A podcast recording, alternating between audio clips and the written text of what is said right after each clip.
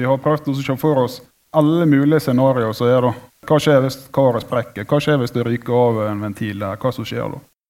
Du lytter til den andre samtalen fra podkastarrangementet vårt Når laksen lever i lukkede anlegg. Fra Ole Bull scene i Bergen får vi høre om hva som skal til for å lykkes når matfisken tas opp på land. Samtalen ledes av nyhetsredaktør i Tekfisk Camilla Odland. Men aller først en kort melding fra vår annonsør. Framo morgendagens pumpeløsninger for oppdrettsnæringen. Nesten 20 aktører er i gang med planer om å bygge oppdrettsanlegg på land i Norge.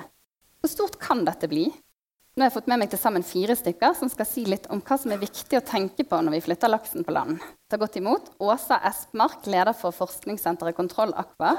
Ingve Hjertenes, prosjektleder i OFS Måløy. Og Henrik Ry Jacobsen, seniorrådgiver i Fiskeridirektoratet. I tillegg har vi da fremdeles med oss Asbjørn Dyrkorn Løland fra Bulane miljøfisk. En varm applaus til alle fire.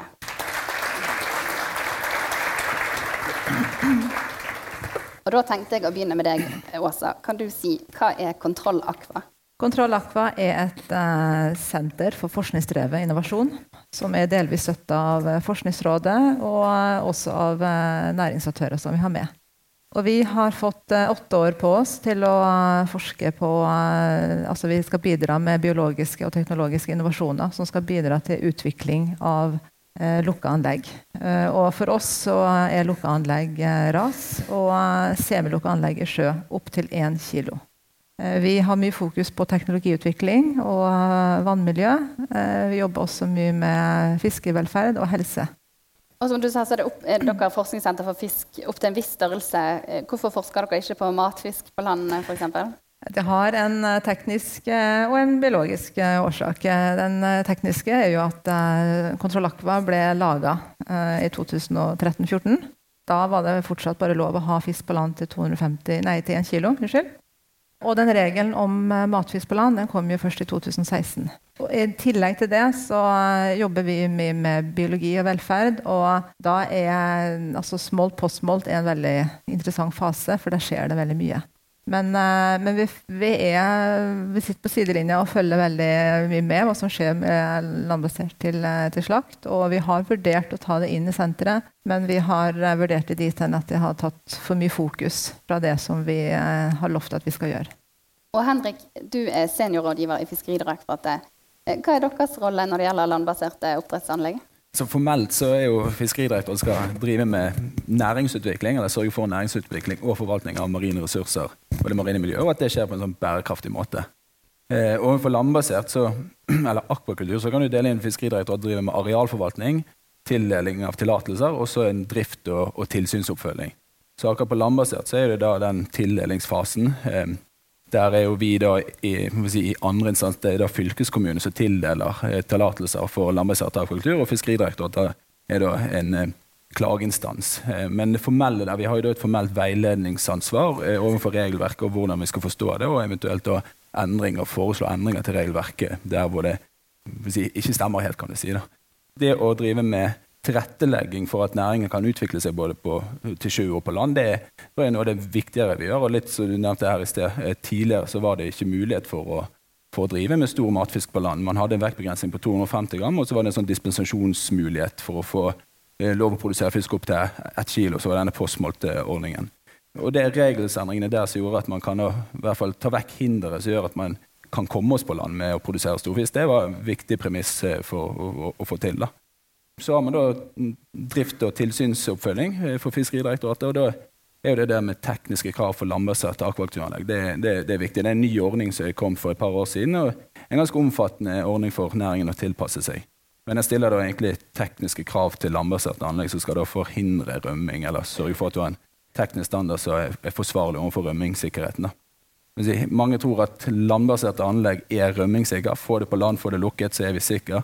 Og det stemmer nok ikke alltid. Altså, en, du tar nok vekk en del hindre, men, men, samtidig så kan det da medføre rømming. Den største enkelthendelsen på rømming i fjor var fra et landbasert anlegg.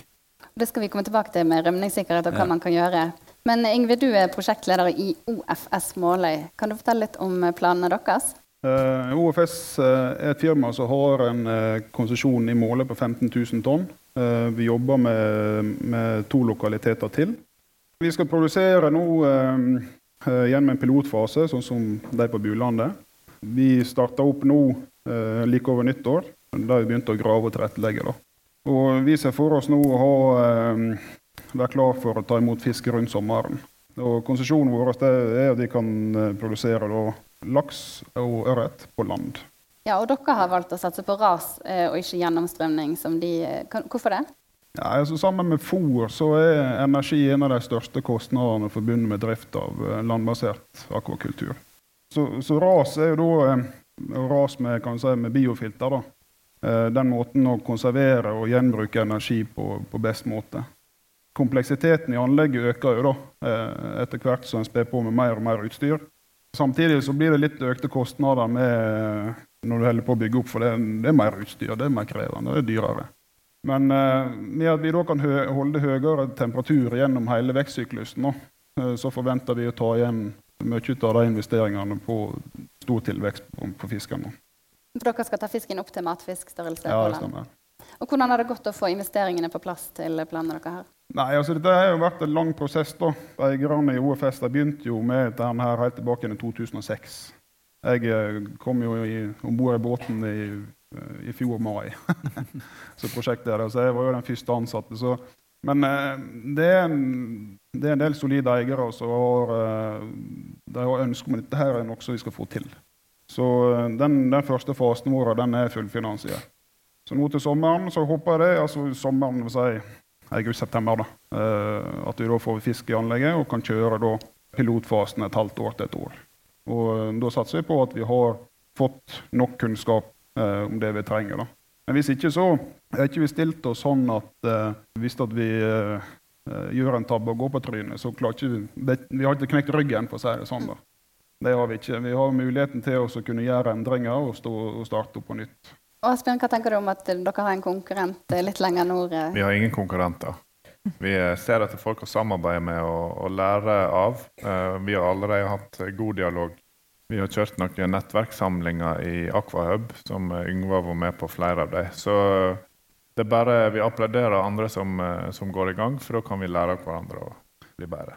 Ja, ak akkurat det samme tenker, tenker vi òg det, det, er ikke et sånn kappløp der førstemann til månen liksom tar hele kranskaka og pynter og alt sammen. Det, skal vi få til dette her, så er vi helt avhengige av å, å samarbeide.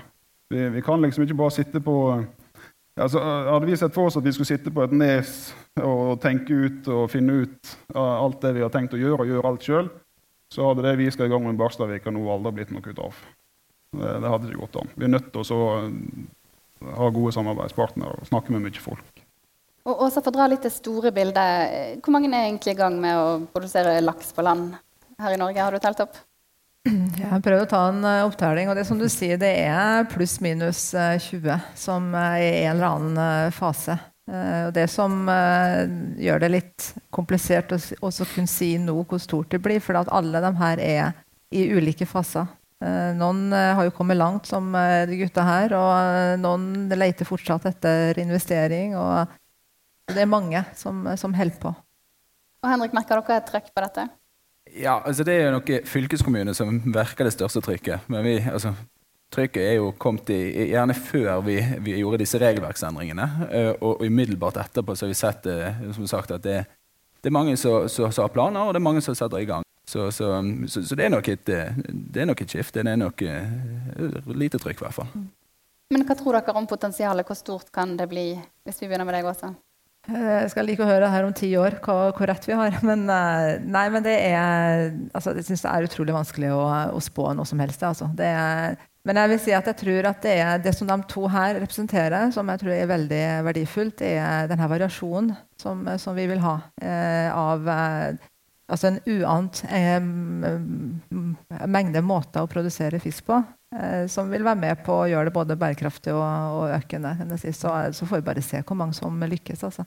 Hva tror du, Asbjørn, som har satsa på dette? Nei, Jeg er veldig usikker på hvor mange tonn som kommer. Det, det har vært litt eh, Vi var på laks på land eh, i fjor.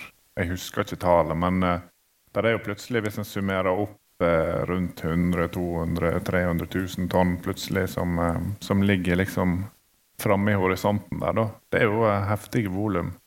så hadde jo Atlantic Sapphire òg i utlandet da, som skal ta 220 eller 240 av det her alene. Så jeg tror det kan bli, tror det kan bli veldig stort, men uh, jeg, jeg, tør ikke å spå. Som sagt, Buland, vi, vi, prøver å se hva vi kan få til lokalt, og flere plasser i Norge òg etter hvert. Så. Hva tror du Yngve, er det på land laksen skal vokse fremover? Nei, altså, jeg, jeg, tror ikke det. Uansett hva enten vi eller de finner ut, så uh, jeg tror ikke det blir sånn at det ene tar over for det andre. Jeg tror det kommer til å bli litt på land, og uh, litt med ras, altså med, med, biofiltrering, og litt med gjennomstrømming, og en god del i sjøen, sånn som det har vært. Jeg tror, jeg tror ikke det at du, vi nå ser liksom slutten av uh, sjøanleggene. Uh, altså Uansett om det er et sjøanlegg eller et landanlegg, så er det, det er naturgitte egenskaper som du utnytter. Og det er på den lokaliteten som du har tilgjengelig. Mm. Det er ikke sånn at du kan, med at vi nå finner ut at vi kan drive med biologisk uh, filtrering og ras, at vi nå kan gjøre det samme alle andre plasser i hele verden. Det, det stemmer ikke. Men også kan du si litt, Hva er egentlig utfordringene med å ta fisken ut fra sjøen og flytte den opp i kar på land? Altså, nå har vi to her som representerer en som representerer ras, og en som representerer gjennomstrømming. Altså, på ras, som, eh, som vi jobber med, så, så, er det jo de kjente utfordringene med hydrogensulfidgass som dannes. Vi har jo begynt å jobbe en del med nefrokalsinose, du har kjønnsmodning. Eh, når vi snakker om matfisk, så har jo de her eh, kjente gusminene, da, de som off-flavor-problematikken. Så det, det, er en del teknologiske og biologiske utfordringer som vi jobber med måte, til postmolt, som eh, kanskje også blir litt større å jobbe med eh, hvis det er matfisk. Men denne eh, gode relasjonen mellom, mellom industri og, og, forskning jeg tror jeg er kjempeviktig i denne fasen. her også. Vi snakka litt her tidligere om om eh, kompetanse. Altså RAS er jo et uh, komplisert system. Og uh, For noen dager siden så, så, hørte jeg et foredrag om det med mangel på kompetanse i Norge liksom på, på RAS. Og det, det, er en del ting å ta tak i for at vi skal komme videre, spesielt på RAS. På gjennomstrømming der, der, kan vi ganske mye. og Det ser ikke de samme store utfordringene der. Men det er klart at det, er, det gjenstår å se hvordan fisken hvordan den har det liksom, med å gå på land hele tida. Så jeg, innmari, jeg synes det er veldig ok at dere satser mye på forskning. Mm. Det tror jeg er liksom alfa og omega for å lykkes her, at man, at man forsker på det. Men Hva tenker du om de utfordringene hun nevner, både denne her gassen som kan kvele fisken, og alt det som kan skje? Hvordan skal jobbe dere for å forhindre det? Det viktigste er jo at du utformer anlegget. Men da, er det jo snakk om H2S-gass. ikke sant? Altså nå vi med sjøanlegg. Jeg må utforme anlegget på en sånn måte at um, du ikke kan oppleve at det er dødsoner. Dette er jo en bakterie som er avhengig av at den, altså den, den spiser enten sulfat eller den spiser nitrat. Og det er en annen prosess. Altså, du, du, må, du, må, sørge for at det er ingen områder i systemet som ikke har tilgang på oksygen. det er det viktigste. Og, og eh, få god gjennomstrømming og få, ut, få selvrensingene opp. Da. Men Hva skjer hvis fisken blir syk i lukkede kar? Er det ekstra risikofylt også? Altså med, I et helt lukka kar så det, altså hvis, du, hvis, du først får eh, sykdom inn, så er det vanskelig å få den ut. Altså Hvis du snakker om patogener, selvfølgelig. Liksom hvis, eh, så, hvis, fisken eh, før den blir dårlig også. Men uh, vi har gjort en del forskning på, på, det her med smitte, og vi ser ikke at uh, det blir noe mer smitte i rasanlegg eller lukkeanlegg enn det gjør andre anlegg. Men det er klart at det siste er litt sjøl. Hvis du har et helt hermetisert system der ingenting slipper ut, så hvis du først får det inn, så kan du ha et problem. Sliter man. Eh, og så trodde jo vi ikke at fisken kunne rømme fra lukkede anlegg, men det kan han jo. Og der, eh, nå kommer vi tilbake til de kravene dere stiller til rømningssikkerhet. Hva må man tenke på for at ikke fisken skal stikke av? Du har denne standarden NS9416 som da stiller krav til teknisk altså prosjektering og utføring, bygging osv. Så, så, så, for nye anlegg så er det å sørge for at du da har et, eh, et selskap eller prosjekterende eller flere prosjekterende som da sørger for at dokumentasjonen er da i henhold til til denne eh, forskriften og, og for så vidt standarden. Da. Og jeg tror Risikovurdering og risikovurdere utforming og funksjon er liksom nøkkelord her. da. Hvorfor velger man det ene materialvalget kontra det andre, og at dette passer sammen? For det har vært hendelser på relativt nye anlegg og nye karsystemer som, som relativt kort tid etter igangsettelse har revnet eller røket. og det, det er sånne ting som kunne vært eh, unnverget hvis man hadde gjort gode risikovurderinger og egentlig tilstrekkelig prosjektering. Så, så, så, det er for, eh, for nyanlegg og eksisterende anlegg så skal man da ha gjort en, en sånn tilstandsvurdering av komponentene som er i, i anlegget ditt. Eh, så skal du sammenstille dette til en rapport som kalles en rømningsteknisk rapport, hvor du da skal også ha en sånn risikovurdering og plantegning over rørene. Man skal sørge for at vi vet hvor rør er, og at fisk ikke kan komme seg dit uh, og, og, og, komme seg ut i, i resipienten. rett og slett. Og det her må da være på plass innen 2021. For nye anlegg så gjelder jo kravet fra i dag at du må egentlig dokumentere dette og levere det inn til Fiskeridirektoratet før man kan sette i gang med å, putte fisken i anlegget ditt. Og hvordan har dere jobbet med de tingene som han nevner? Hvilke ting? Rømningssikkerhet og For å oppsummere. Nei, det er jo den eh, berømte risikovurderinga, å jobbe godt med den. Ola, som har stått for mye av designet på anlegget her, har, har utrolig mye erfaring fra tidligere arbeid på settfisk og lært mye av det.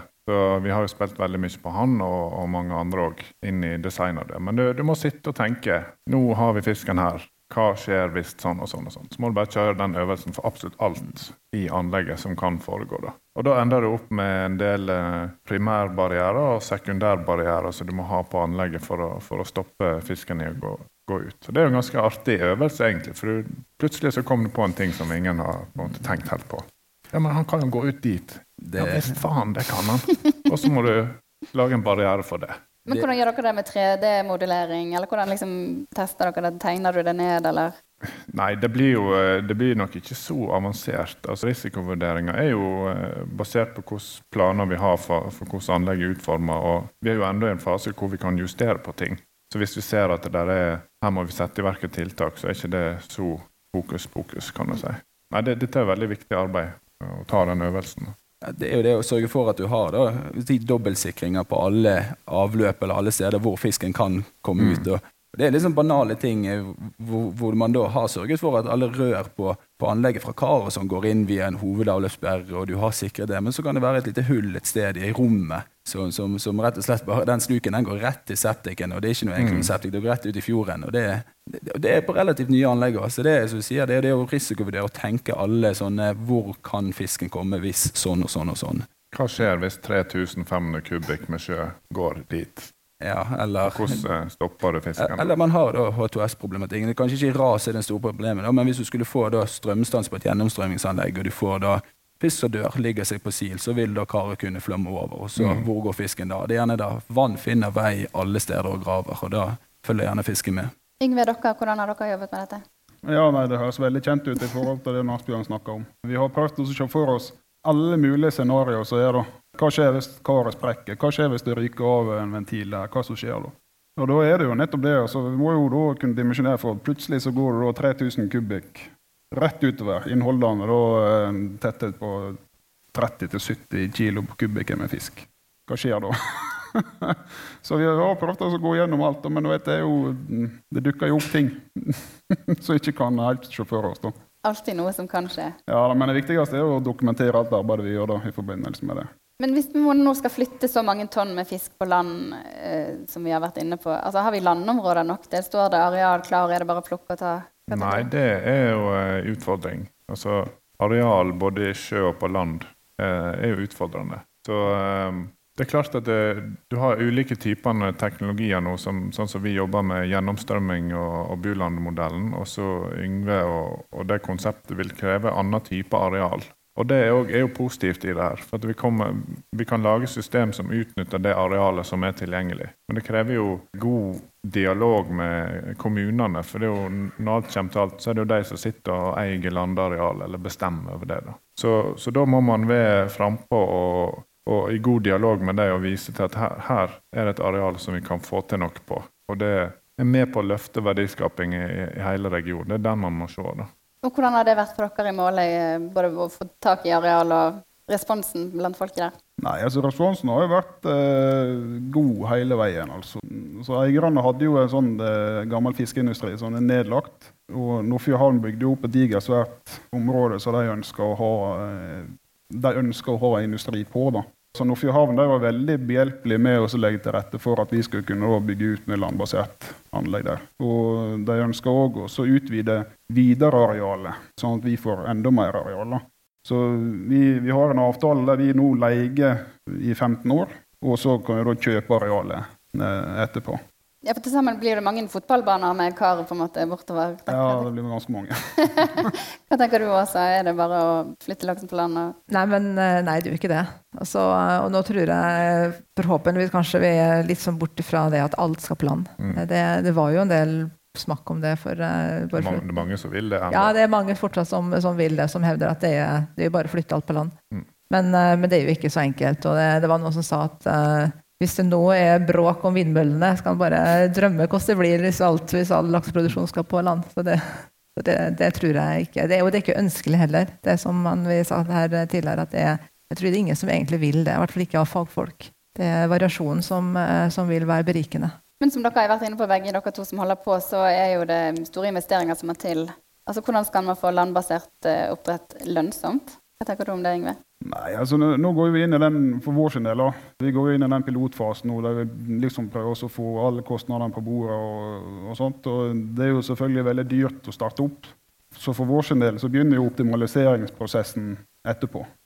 Men uh, nei, altså det er drift. Altså Vi må hente det igjen på drift. En stor del er automasjon. Mye bruk av maskinlæring og uh, en del type ting. Altså, vi lager jo en fabrikk. Mm. Altså, det er jo industri vi bygger, for å si det sånn. da. Og med en gang det er veldig mye detaljer, så er det òg potensial for oss å kunne si, kutte kostnader. da. Men uh, driftskostnadene vil vi aldri kunne klare å komme ned i det som er for et sjuanlegg. Det, det, er ikke kjangs.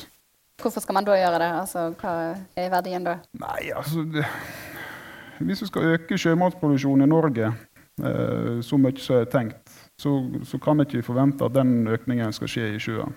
Så, så, Derfor så er det det å kunne utnytte de mulighetene som er. da. Det er jo det vi ønsker å utforske litt. Grann. Du lemte maskinlæring. Hva bruker dere det til? Nei, altså det, For eksempel sånn som for automasjons- og overvåkingsanlegget vårt, da, eh, så er det der en viktig sak. Jeg kan ta et eksempel. og det det har jo vært tilfeller der f.eks. at eh, en oksygenmåler eh, går i stykker. ikke sant? Og den gir et signal til overvåkingsanlegget at alt er i orden. Ikke sant? Eller at den, den, kjører, eller at den får signal om at det er veldig høyt oksygennivå i karet. Automasjonsanlegget forstår det som at her må vi bremse ned tilsetning av oksygen. Og Det kan jo gjøre at, det, at du tar livet ut av et, et helt kar med fisk. Og det, det har skjedd veldig mange ganger. Men eh, ved maskinlæring så, så vil systemet oppfange si, abnormal activity. altså Dvs. Si at plutselig får et enormt hopp på oksygenverdien. Så vil da ved maskinlæring den forstå det at dette her er unormalt aktivitet. Derfor så gjør den ingenting. Men den sender ut en alarm om at her er det unormal aktivitet. Det er ett eksempel på at maskinlæring kunne, være en del av uh, den viktige automasjonsdelen. Eh, og rasjonaliseringen av drift av et landbasert akvakulturanlegg. Er dette ting dere jobber med òg? Ikke kunstig intelligens akkurat nå. Jeg er livredd til Facebook og alt det der. Men eh, det er klart eh, vi får andre muligheter til å overvåke veldig mange parametere og ha kontroll på dem. Men vi jobber ikke så detaljert med det. Vi har prøver å bruke kjent teknologi på det som, det som finnes i dag. Og så supert at, eh, at andre òg tester ut nye ting og får laga de løsningene. Men så prøver vi, vi, å fokusere på vår del, og så andre kan, eh, kan fokusere på sine deler. Men Noe av grunnen til å ta fisken på landet bl.a. å unngå luseproblematikken. Men ja. når dere henter vann ute fra sjøen, hva gjør dere for å sikre at det ikke kommer lus med inn der? Nei, Det er jo uh, djupna da, som er trikset her. Uh, og Der viser jo en del studier, og jeg vet at du skal kanskje prate med noen seinere. Jeg vet ikke om de var syke eller ikke. Men um, det er i hvert fall noen som har studert det her. Da. Vi ser òg erfaringene fra de som har jobba med eh, lukka flytende anlegg og tatt inn sjø på en 20-25 meter, at eh, en har betydelig mindre luseproblem. Det er det som er tiltaket for lus. Ta inn eh, sjø på, på lavere, altså dypere nede. Holder det også? Ja, de eh, anleggene som vi eh, jobber med, er, har vært eh, så godt som lusefri. Det semilukka anlegg, ja. Så det, det, er god, det, er en god, måte å gjøre det på. Men det varierer jo veldig. Det blir jo sagt først at lusa bare er de første fem meterne. Det varierer nok ganske mye liksom også geografisk liksom hvor dypt eh, lusa går. Men de aller fleste semilukka anlegg de pumper jo veldig dypt. Så, så, det har ikke vært noe problem med lus. Der har, har jo du gjennomstrømming kontra ras. altså vi har egentlig mulighet til å flushe systemet. At det som kommer inn, kan vi òg ta ut i større grad enn et uh, rasanlegg. Så det er jo et av fortrinnene som vi mener uh, med den teknologien. Men når man tar laksen på land, så blir det mye slam som man må gjøre noe med. Hva gjør dere med deres Nei, altså, Vi har jo en tillatelse for Fylkesmannen. da, og I den tillatelsen sier det at vi skal redusere opptil 90% av alt slam. og det er egentlig fosfor og nitrogen. da. Til pilotfasen nå så har vi fått tillatelse til å kjøre direkte ut. Fordi at mengden eh, slam i den fasen er så liten i forhold til eh, den store utbyggingen.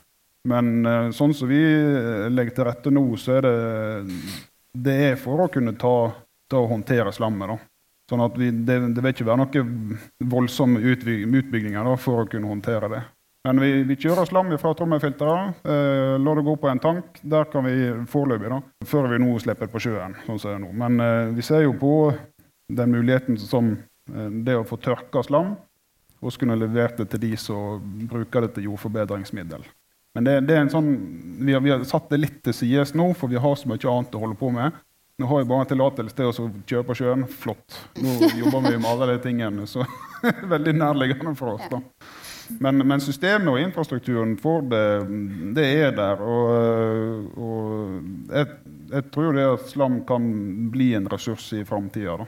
Så lenge en kan finne en, måte, en god måte å håndtere saltet i slammet. da. Nå tenker da på sjøbasert, landbasert, eller sjøanlegg på land. Og en da kan ta ut fosfor og nitrogen og kan bruke det direkte på jorda, så, så tror jeg det kan bli en, en, en stor ressurs. Det, det, er jo ren gjødsel. Har dere en plan for slammet, Asbjørn? Det er jo godt å høre at det, det, høres ut som det er lik praksis. At når man skal starte opp nye ting, så får man litt uh, løsere Ikke løsere tillatelser, men man får uh, høve til å prøve seg litt fram. Og det er bra. Mm. Det er samme som gjelder oss i Buland. med at I pilotfasen så har vi uh, god dialog med Fylkesmannen om at vi har jo opptil 5500 tonn MTB. og en rensegrad som vi da skal dokumentere og ha dialog med deg om å finne i løpet av piloten, basert på de løsningene som vi, vi velger ut. Da. Men eh, fokuset blir fort på fisk, det er det man skal produsere. Men det er klart, slam det er noe som vi skal samle opp så masse som vi klarer å samle opp og lage ressurser ut av. Det ligger litt i navnet Bulandet miljøfisk. Du har liksom satt eh, en forventning der mm. da. Den forventningen den, eh, den ligger hos gründere om at dette skal vi lage en ressurs om. Og tilbake i 2018 så kjørte vi Aquaub et prosjekt som heter Nedstrømsprosjektet i regi av Bulandet for å se okay, hva finnes av mulige løsninger. og Er det den beste løsninga i dag, eller tror vi at det kommer nye ting nå? Og Jeg er nok litt der at eh, jeg tror ikke dagens løsninger er den som vi ser om ti år, f.eks. Jeg tror man finner bedre løsninger til å ta ut eh, næringsstoffer som er i, i vannet. Og Bulandet ønsker å være med på den utviklinga, men ikke sitte i noe førersete på det. kan du si. Ja, for Man skulle jo tro det var en ressurs eh, også, så de kan bruke til noe nyttig. Det er jo flere som har prøvd. Eh, mm. Det er jo mange som samler opp slammet da. Men det er, altså her er vi inne på området som jeg, der ikke jeg er noen ekspert på, da, men det virker som det er liksom nok eh, gjødsel også. Liksom, det er litt grenser liksom, hva du skal bruke det til. Men det må samles opp. Ja. Det, det, gjør det. Eh, det som vi utforska litt, var jo mikroalg- og makroalgeproduksjon. Mm. Å lage ting fra sjøen, altså ting som er i sjøen, lage det av andre ting du lager i sjøen. Det henger litt i hop. Hvis man kan få til lokale produksjoner Nå kommer det såpass mange anlegg etter hvert, forhåpentligvis, som gjør at det vil antageligvis, eller det vil være mulig for en verdikjede å vokse fram med båter som reiser langs kysten og, og henter slam. Det, tror jeg. Ja, det er flere som har hatt planer om det. Så, ja. eh, så det er bare snakk om å få, få, i gang nok anlegg til at det blir lønnsomt å gjennomføre det. Og Da tror jeg det vil åpne seg mange nye muligheter for brukeren òg. Lokalt, og lage et stoff eller produkt som en kan, kan eksportere, kanskje. Men Henrik og Stokke, Har du lagt merke til om det er noe som går igjen, som de som vil starte opp med landbasert eh, oppdrett, glemmer å tenke på? Det er nok eh, fylkeskommunen som får de fleste av disse spørsmålene her. Vi får nok mer overordnede eh, spørsmål, og det er litt sånn vanskeligere. Men jeg tror det, det viktigste er, og det har jo blitt nevnt tidligere, og, og, og det har for så vidt gjort, det er å være tidlig i kontakt med, eh, med tildelingsmyndighetene og, og, eventuelt da andre sektormyndigheter som skal ha tillatelser fra. Sørge for at eh, si, søknaden er så komplett som mulig, at du har lagt ved den dokumentasjonen og, som kreves, rett og slett.